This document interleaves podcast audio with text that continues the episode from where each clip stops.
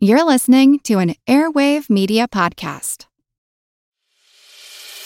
As a longtime foreign correspondent, I've worked in lots of places, but nowhere as important to the world as China. I'm Jane Perlez, former Beijing bureau chief for the New York Times.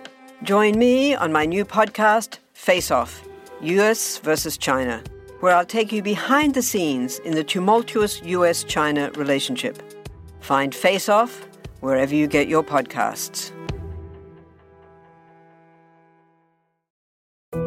We all know how important it is to keep your eye on the money, and not just your own. Stay on top of the latest financial and market news with Yahoo Finance, a podcast that releases new episodes almost every day. You'll hear a brief overview of the biggest news in the financial world, all in three minutes or less, right after markets close. Check out Yahoo Finance wherever you get your podcasts. That's Yahoo Finance wherever you get your podcasts. This is Kick Ass News. I'm Ben Mathis.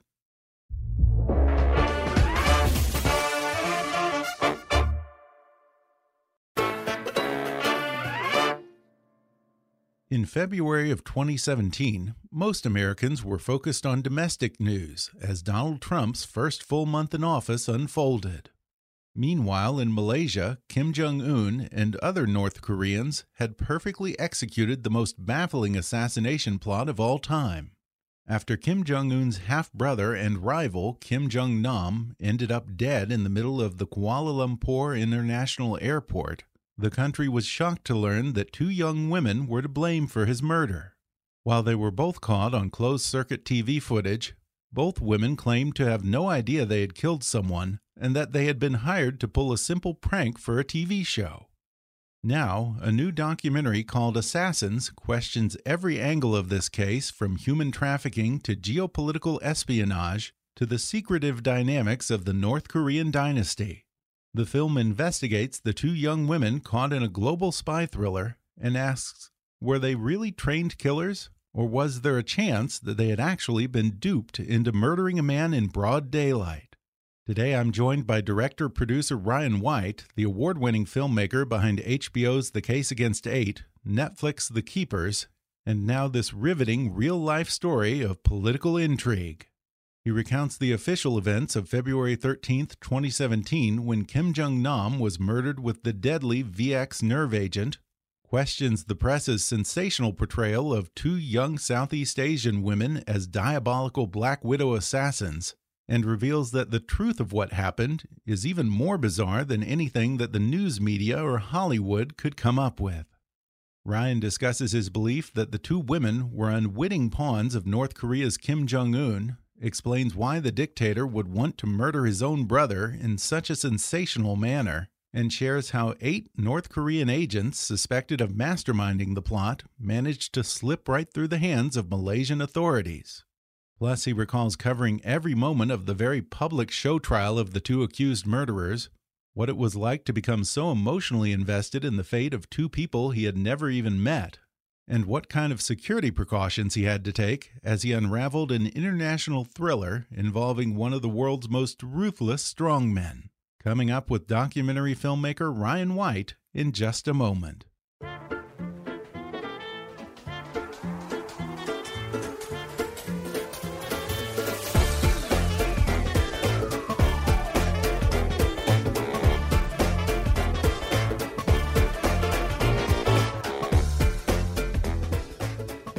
Today I'm talking with award winning director and producer Ryan White, who has a compelling new documentary about the 2017 assassination of Kim Jong un's half brother and the two young women who were accused of masterminding it.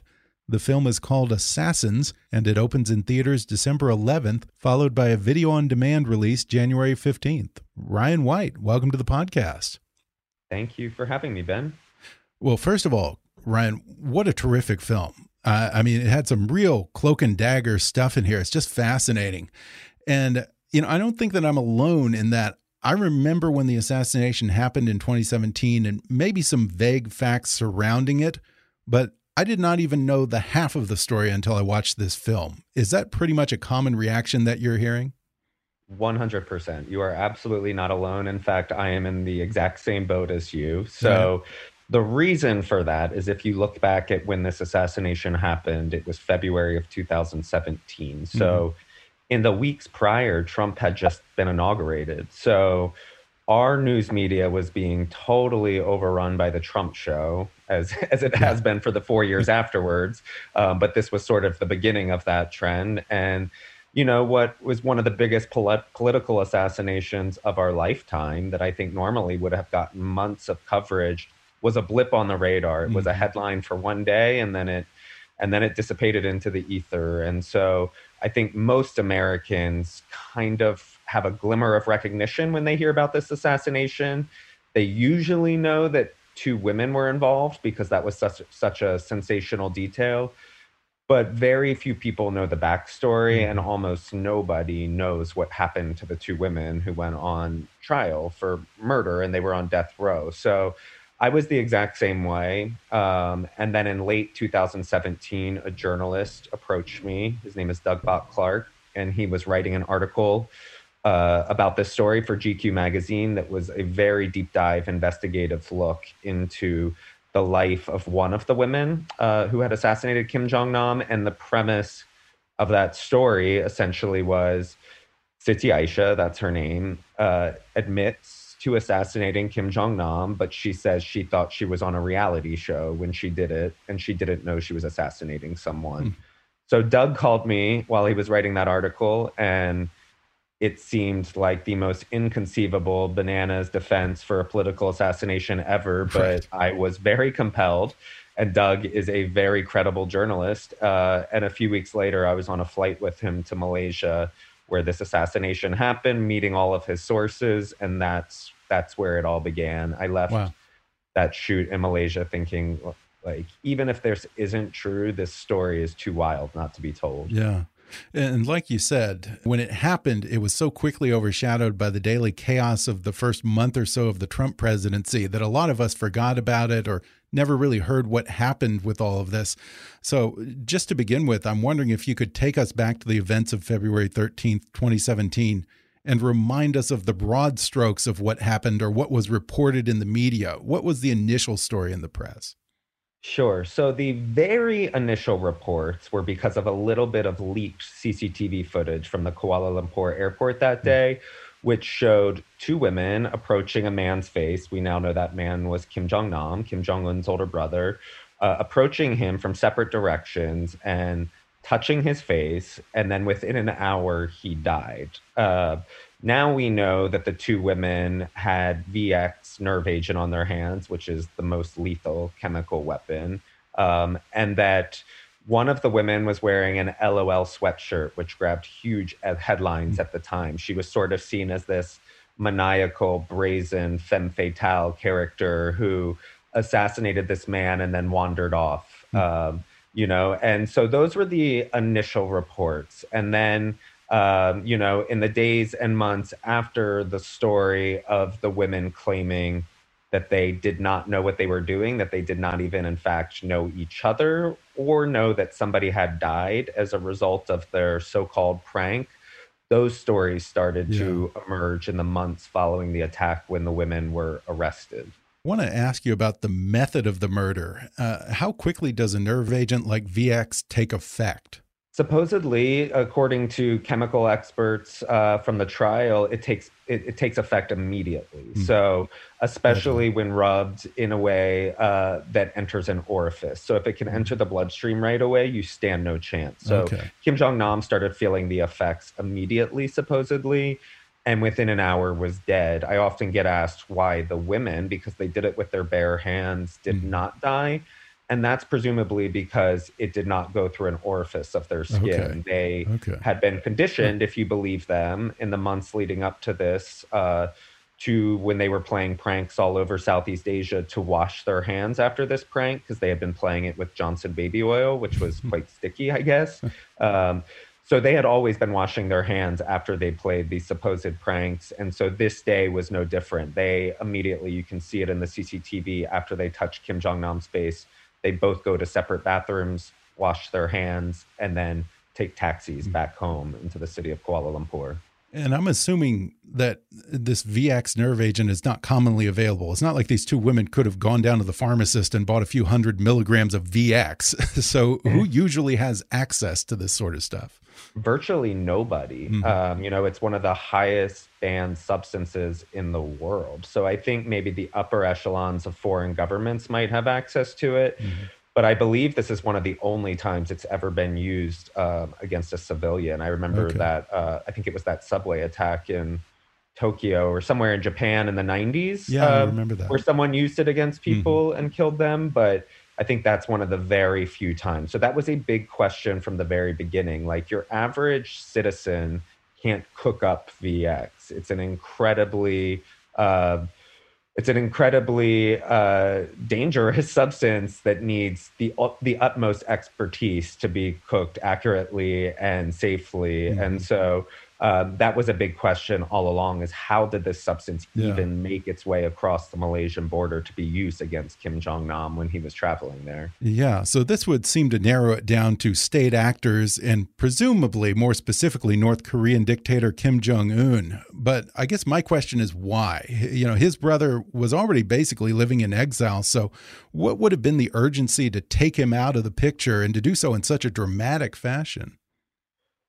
There's a lot of reasons why. Uh, well, there, there's two separate questions here. The why Kim Jong Nam was a threat. Uh, there are a lot of reasons. So mm-hmm. Kim Jong Nam, first of all, was the oldest brother. He was the oldest son of Kim Jong Il, so he had a very uh, rightful stake to the to the to the throne. Um, he was passed up for various reasons that we explore in our documentary in favor of Kim Jong Un, but he was very qu- publicly questioning Kim Jong un's legitimacy. You know, we have him on camera questioning whether hereditary succession should even be a thing. Uh, Kim Jong nam was seen as much more Western leaning in his political philosophy. Um, and he was also saying publicly, you know, I hope one day the North Korean people have a better life. Um, he also, uh, which we explore in the film, had very um, solid ties to both the Chinese government and the US government which both are obviously the, the biggest threat to the, the Kim regime, China, because they're North Korea's biggest ally, and Kim Jong Nam was living in Macau, a territory of China, and being protected by China. Um, but he was also, which we reveal in the film, working as an informant for the CIA, um, you know, North Korea's archenemy. So he was um, challenging his brother in many ways. And until, uh, you know, there's even stories that this wasn't the first assassination attempt on his life and that in fact he had sent a brother a, a letter to his younger brother mm-hmm. asking him to spare his life so most people think kim jong-nam's days were numbered um, and that the uh, event that eventually precipitated them pulling the trigger at this moment was a meeting that he had just had with okay. the cia Okay, so I get why Kim Jong Un would want him out of the way, but why not do it quietly in the dead of night? Why do it in broad daylight and in such a dramatic and public way with literally dozens of witnesses and security cameras all over the place? Your your guess is as good as mine on why do it in such a spectacular mm -hmm. fashion. The the North Korean MO before this for assassination supposedly had been, you know, your traditional dark alleyway, quiet assassination. So why pull off such a public brazen international incident um, when you're having your brother assassinated. And the two reasons most presume for that are one, because it was so publicly humiliating to his brother to go out in that fashion. He, you know, assassinated him in the most embarrassing and public of ways. And two, perhaps more importantly, it sent a shiver down the spine of the entire world. You know, this is not, you know, Kim Jong Nam had had, I mean, Kim Jong Un had had his uncle executed in the years prior to this, but that was on North Korean soil. Uh, this was happening in a major international airport on camera by people who supposedly didn't even know what they were doing uh, when they when they did it. So if you can imagine the the chilling effect that that would have across any foreign governments or people that were challenging sure. Kim Jong Un's leadership, and it worked. I mean, that's that's the fact of the matter. This is sort of the perfect crime in some ways mm-hmm. because mm-hmm. North Korea has faced no uh, has faced no accountability for this. And it did create that chilling effect around the world and therefore was another force in consolidating mm-hmm. Kim Jong un's power that we've seen over the last decade.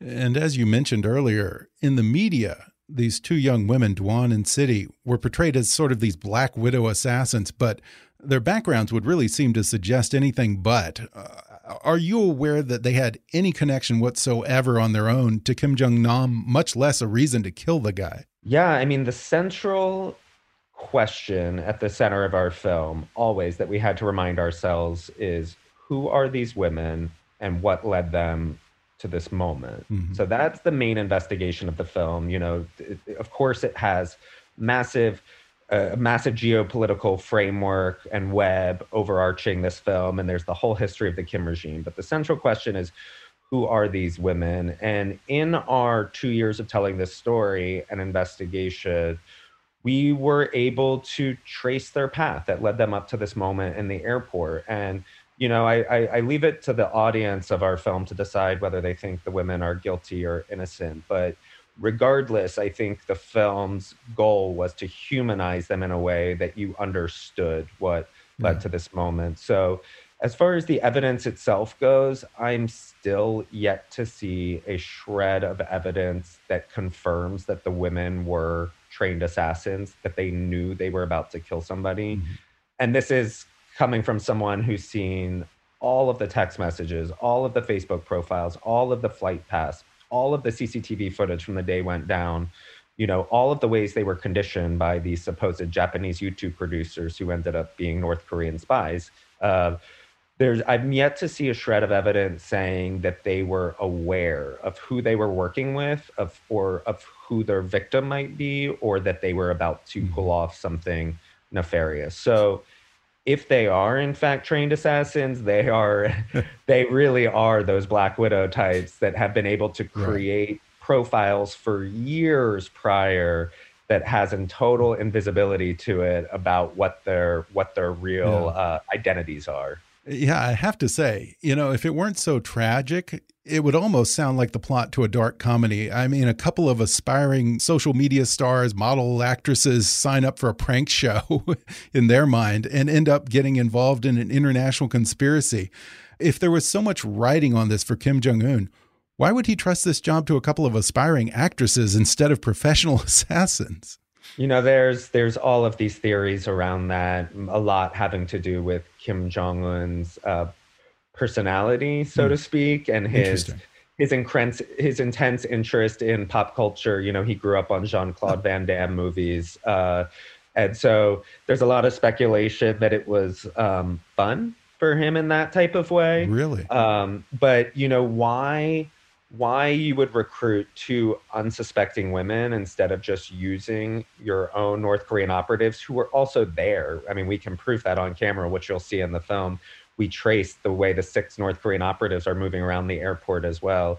They could have pulled it off just as easily. So, uh, you know, your guess is good as mine. I think that would involve a deep dive into the psyche of Kim Jong Un, which unfortunately he didn't give us an interview for the sure. film. So, um, you know, these are all guesses based on people that uh, have traced his history, but you know, a lot of the question is he loves he loves a spectacle, mm-hmm. um, mm-hmm. and this was this was the greatest spectacle he could create for an assassination. Mm. And the fact that they did choose these two young women, it, it, speaks to some broader themes like social media culture, our desperation for money and celebrity, and powerful men preying on vulnerable young women.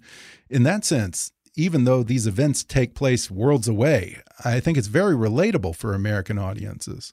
Absolutely. You know, I think uh, it was very easy at the beginning to otherize these women and assume their guilt and assume that they really were these uh, trained assassin femme fatale types.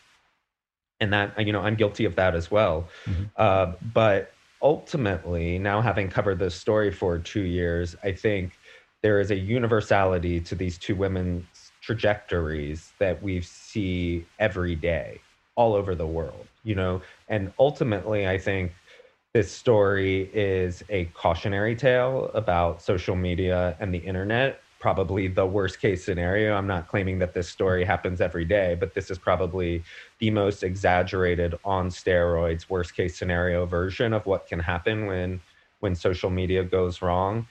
But absolutely, it's also about the exploitation of young women, mm. which is also happening worldwide. Yeah. You know, there's a whole story here of human trafficking and sex work and you know women from the third world seeking a better life and being offered that you know siti mm-hmm. aisha was a single mother whose family and son were back home in her village in indonesia and she was doing whatever it took to make more money and be able to provide for her family and that that sort of sad journey through sweatshops and then sex work and then this reality show which was a massive opportunity for her where she could make 10 times the amount that she was making in a day as a sex worker, massage therapist, um, provided her an incredible opportunity. And that, I think, is the universal story of disadvantaged women, young women, um, in most cases, uh, that are vulnerable. Um, and again, it's the worst case scenario version of that, but I do think it's universal in that way. We're going to take a quick break, and then we'll return with more when we come back in just a moment.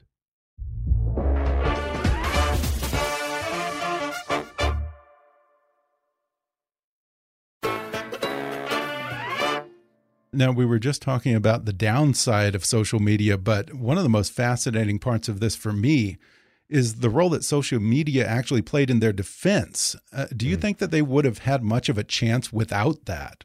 No, there's a there's a lot of irony to this story. It's kind of like you're saying it would have it would have played like like a like a comedy in some ways. There's a lot of there's a lot of irony in this story, not only tonally of the juxtaposition of these prank shows versus this horrible assassination, but also with those themes you're talking about. Namely, I, I truly believe it is a cautionary tale about social media, but you're totally right that without the world of social media, we would be left to wonder whether these women are guilty. And that mm-hmm. digital imprint in many ways proves their their innocence. Likewise, there's an incredible irony in the sense that both of these women were desperately trying to be famous and that led them to these circumstances and they achieved their goal you know they they are much more famous than they probably ever expected they would ever become from a prank show. But clearly they became famous for the darkest and most morbid of reasons. And so we were constantly having to grapple with those sort of dualities in the editing room of how do you how do you uh, straddle um, all of those worlds? How do you kind of walk that tightrope uh, tonally but also structurally? And you know the idea that uh, that because these women were so public on social media, they can prove their innocence is is the ultimate irony. They're famous yeah. for all the wrong reasons, but just go look back at everything they were trying to do to be famous and it kind of I wouldn't say proves, but it but it definitely sheds light on the fact that they might be innocent. And in addition to Doan and Siti, the Malaysian police also had, I think, eight North Korean suspects either in custody or suspects that they wanted for questioning pretty early on. Who were they and how did they slip through the authorities' fingers? So, Malaysia and North Korea have diplomatic relations. There's a, a North Korean embassy in, in, um, in Malaysia, in Kuala Lumpur, and quite a, a lot of North Koreans working in Malaysia. So, there were many four of those people were living um, in in malaysia at the time either working for the embassy or working for the north korean national airline. Four of the others uh, who we name in the film were more of the the spies that were uh, masking as japanese youtube producers and and recruiting and conditioning the women for months. Those four men that played a direct role in the assassination and by direct i mean like they literally put the VX into the women's hands right before they assassinated Kim Jong Nam. Or these are the men that you can see on cell phones immediately after he dies, presumably reporting back to headquarters. Those four guys escaped the country immediately after Kim Jong Nam died. You can see them going into bathrooms, changing their clothes, disguising themselves. Facial hair disappears. There's new hats, and they get on flight paths uh, back home to North Korea. The other four men were remaining in Malaysia and actually could have been held accountable alongside these women, but in a crazy turn of events, and this is something we investigate throughout the film, is why is Malaysia letting North Korea get away with this murder? Why do they seem hell bent on convicting these two women who at most were tangential to the murder, uh, you know, um, and why do they seem so uh, so willing to let to ignore the political assassination part? Mm-hmm.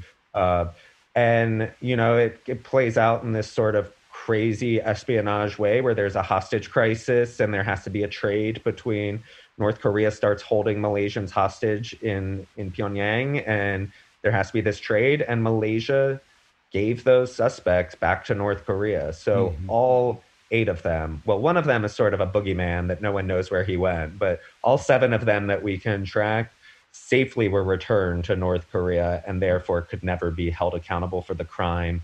But yet the two women were left sitting in Malaysia as the only people that yeah. could be put on trial. Yeah, like you said, the Malaysian government seemed almost too eager to throw these two young women under the bus. They let North Korean suspects slip through their hands, or they traded them for, you know, basically hostages, Malaysian hostages who were being held in North Korea.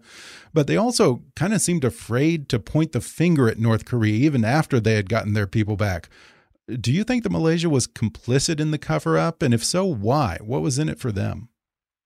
I don't I don't know if I would go so so far to say they were complicit. They okay. very well could have been, but I definitely cannot cannot prove that in okay. any way.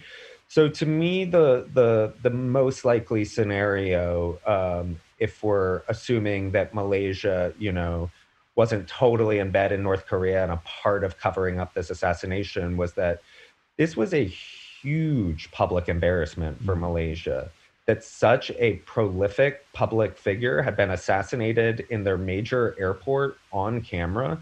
Um, this was this was egg on the face of Malaysia as far as their national national security goes, about how their police investigations go, and so, you know, I think the most likely scenario is that Malaysia, understandably, felt like they had to hold someone accountable. Mm-hmm. To let every actor off. Um, and the fact of the matter is, the two women were the only people left in their country that could be brought to trial. So to let every participant in this assassination off, I think was uh, was too risky for Malaysia to look to make it look like everybody got away with it, and therefore it was it seemed like it was a way to uh, shut and end this case, sweep it under the rug, and say not everybody got away with it, even mm-hmm. if that meant that two women might be executed even though they were innocent. Mm -hmm. And in Malaysia, their justice system works a little bit differently than ours does. And it really seems stacked against these two young women. And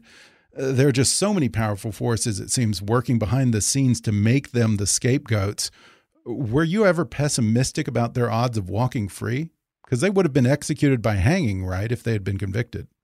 Yeah, and I, I I would be lying if I said I was ever optimistic about their chances, and that's mm. because from the very beginning, when I when I went to Malaysia in 2017, everybody was saying, "Oh, these women are going to be convicted," uh, and the longer the trial went on, the more it pointed in that direction. The more mm. it was obvious that the prosecution was presenting a one-sided case, or the judge. It's the British system of law. There's no and there's no jury system in Malaysia. So the judge right. made a ruling after the prosecution put up put up its case, and his ruling was eviscerating of the women's uh, defense that they thought they were playing a prank. He he emphatically did not believe them, and he was going to be the one ultimately deciding their fate. So the longer the trial went on, the more we were all resigning ourselves to the fact that that was the ending, that the women would be um, assassinated, and so, you know, like we began this conversation by saying, I think most people don't know this story and how it unfolded. So I don't want to ruin the end for your listeners, but um, it was a sort of shocking, totally out of nowhere twist of events that yeah. happened at the end of this trial that without being dramatic is the most shocking moment of my filmmaking career how it all went down um, that kind of leads to how this story you know, nothing gets tied up with a pretty bow for sure in this mm-hmm. story. And I will never claim that justice was served because Kim Jong Nam will never, uh, will never, his perpetrators will never receive justice for assassinating him. But it ended in the most um, surprising of ways based on where we all yeah. thought it was going. Yeah, talk about a twist.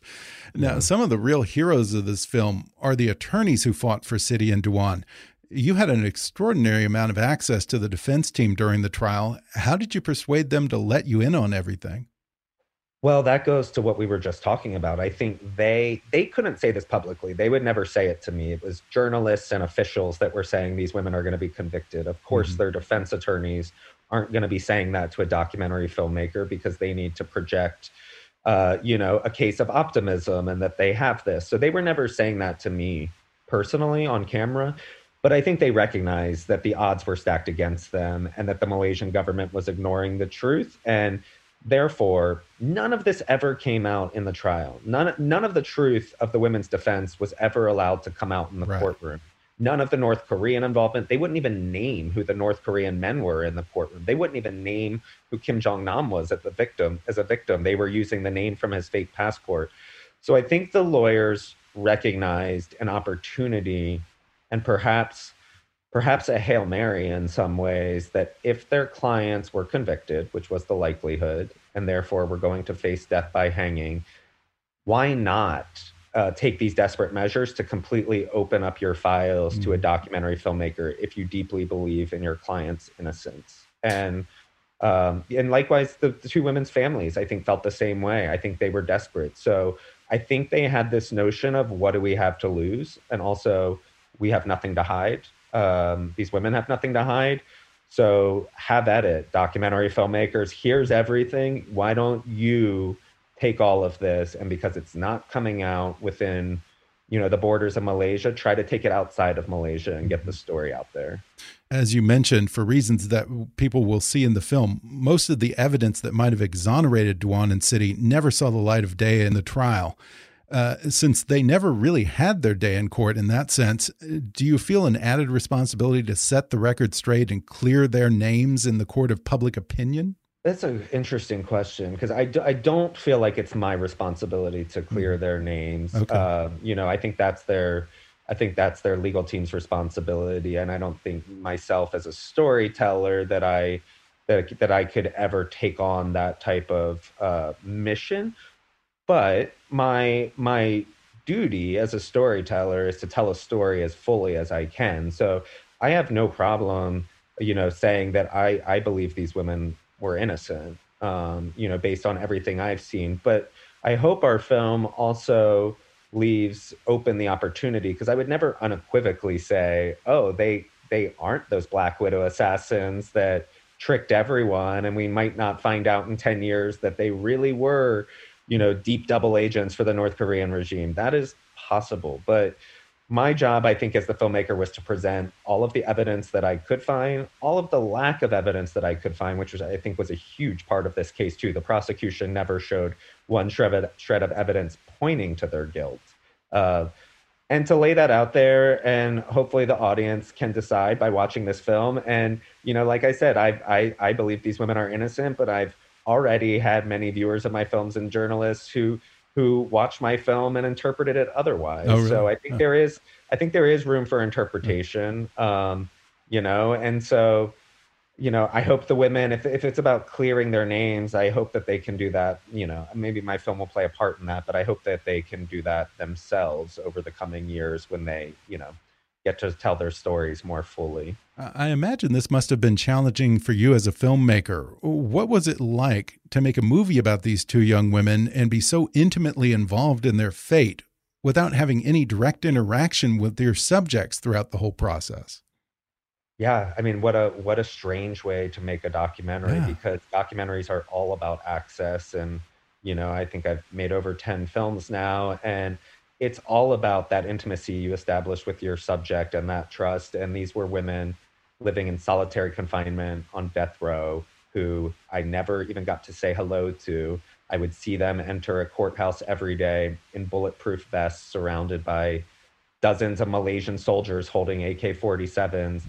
And that was it. So, what it was such a, you know, I, I felt like if they were mystery women when the headline came out, they remained that way to me, even in the two years of documenting their backstories, but never actually getting to speak face to face with them. So again, not to ruin, not trying not to ruin the end, but I do make I do make contact with both of them at some point.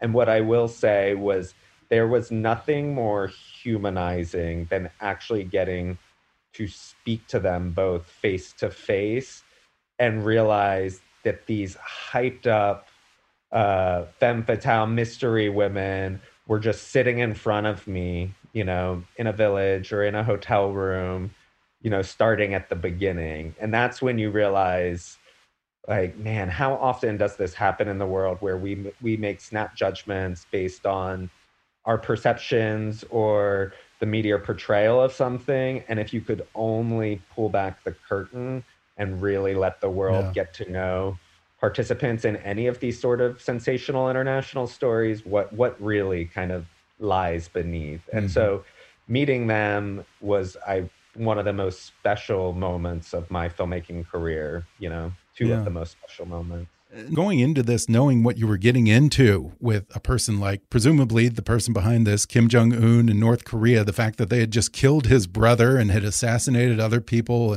did you find any need to take extra security precautions either in real life or digitally when you were making this movie Oh, 100%. We had to take incredible amounts of precautions in making this film. And it's not, you know, it's not my first investigative piece. I did a series for uh, Netflix called The Keepers a few years mm-hmm. ago, which, you know, kind of took on the Catholic Church and the Baltimore Police Department. And I remember when I told my mom about assassins, she was like, "Are you kidding me? Like we just we just got out of the crosshairs of the Catholic Church and and the Baltimore Police Department, you're going to up the ante with the North Korean regime. But we had to be incredibly careful while we were making it. I'll never sure. claim that I wasn't afraid while we were making it, either for our physical safety and definitely for our cybersecurity. We had the FBI consult on this film. There were many times that I felt like I was living in an espionage film, you know, because my access was an investigative journalist who had been covering the North Korean beat for a long time. His name's Doug Bock Clark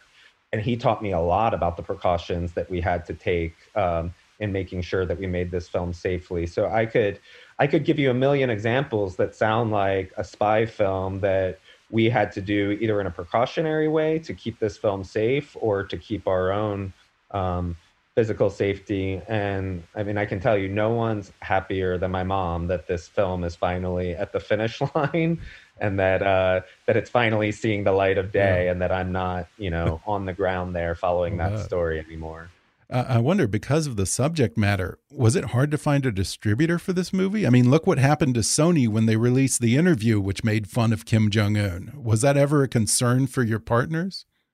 Yeah, I mean, it was a huge mm -hmm. concern. It's a it's an understandable concern. The Sony hack was, you know, one of the most disruptive forces in Hollywood probably in the last ten years, and so uh, it's the Kim regime is incredibly uh, threatening to Hollywood, and we felt that all the time in these meetings. There were many people not even willing to look at our film because of that.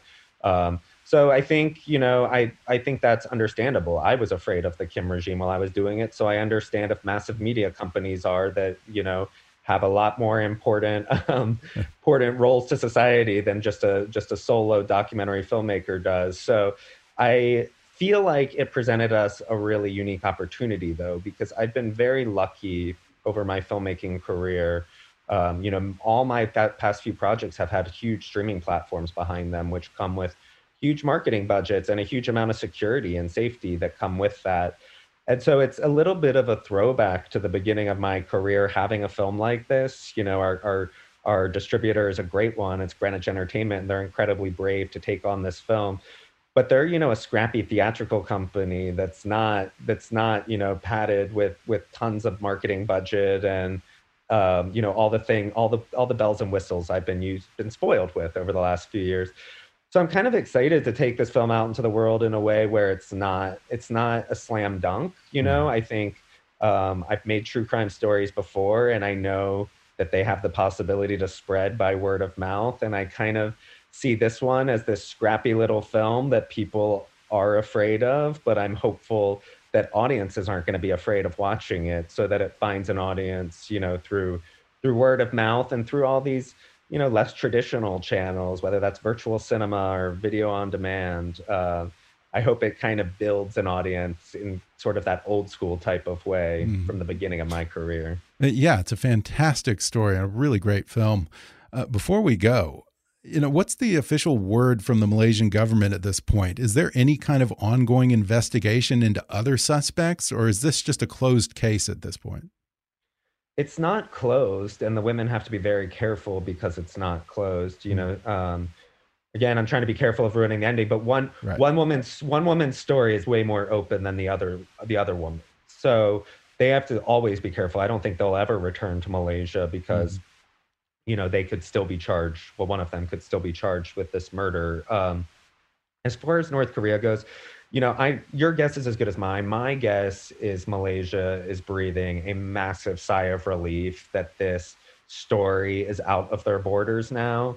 Um, you know it it it it took such a bizarre path in the end but i think malaysia in the end did the right thing and i think they're being recognized for that. Um, and that's not all you know on their own volition there was also a government right. change in malaysia while this all went down that played a massive role there were huge amounts of pressure from foreign governments on malaysia to affect the outcome but i my guess is that malaysia is just breathing a big sigh of relief that this story is not theirs anymore mm-hmm. and that they can move on. And I'm sure they are very hopeful that nothing like this ever happens on their soil again. And my guess is they have made that very clear to North Korea because North oh. Korea counts on Malaysia in a lot of ways that this can never happen again. Interesting.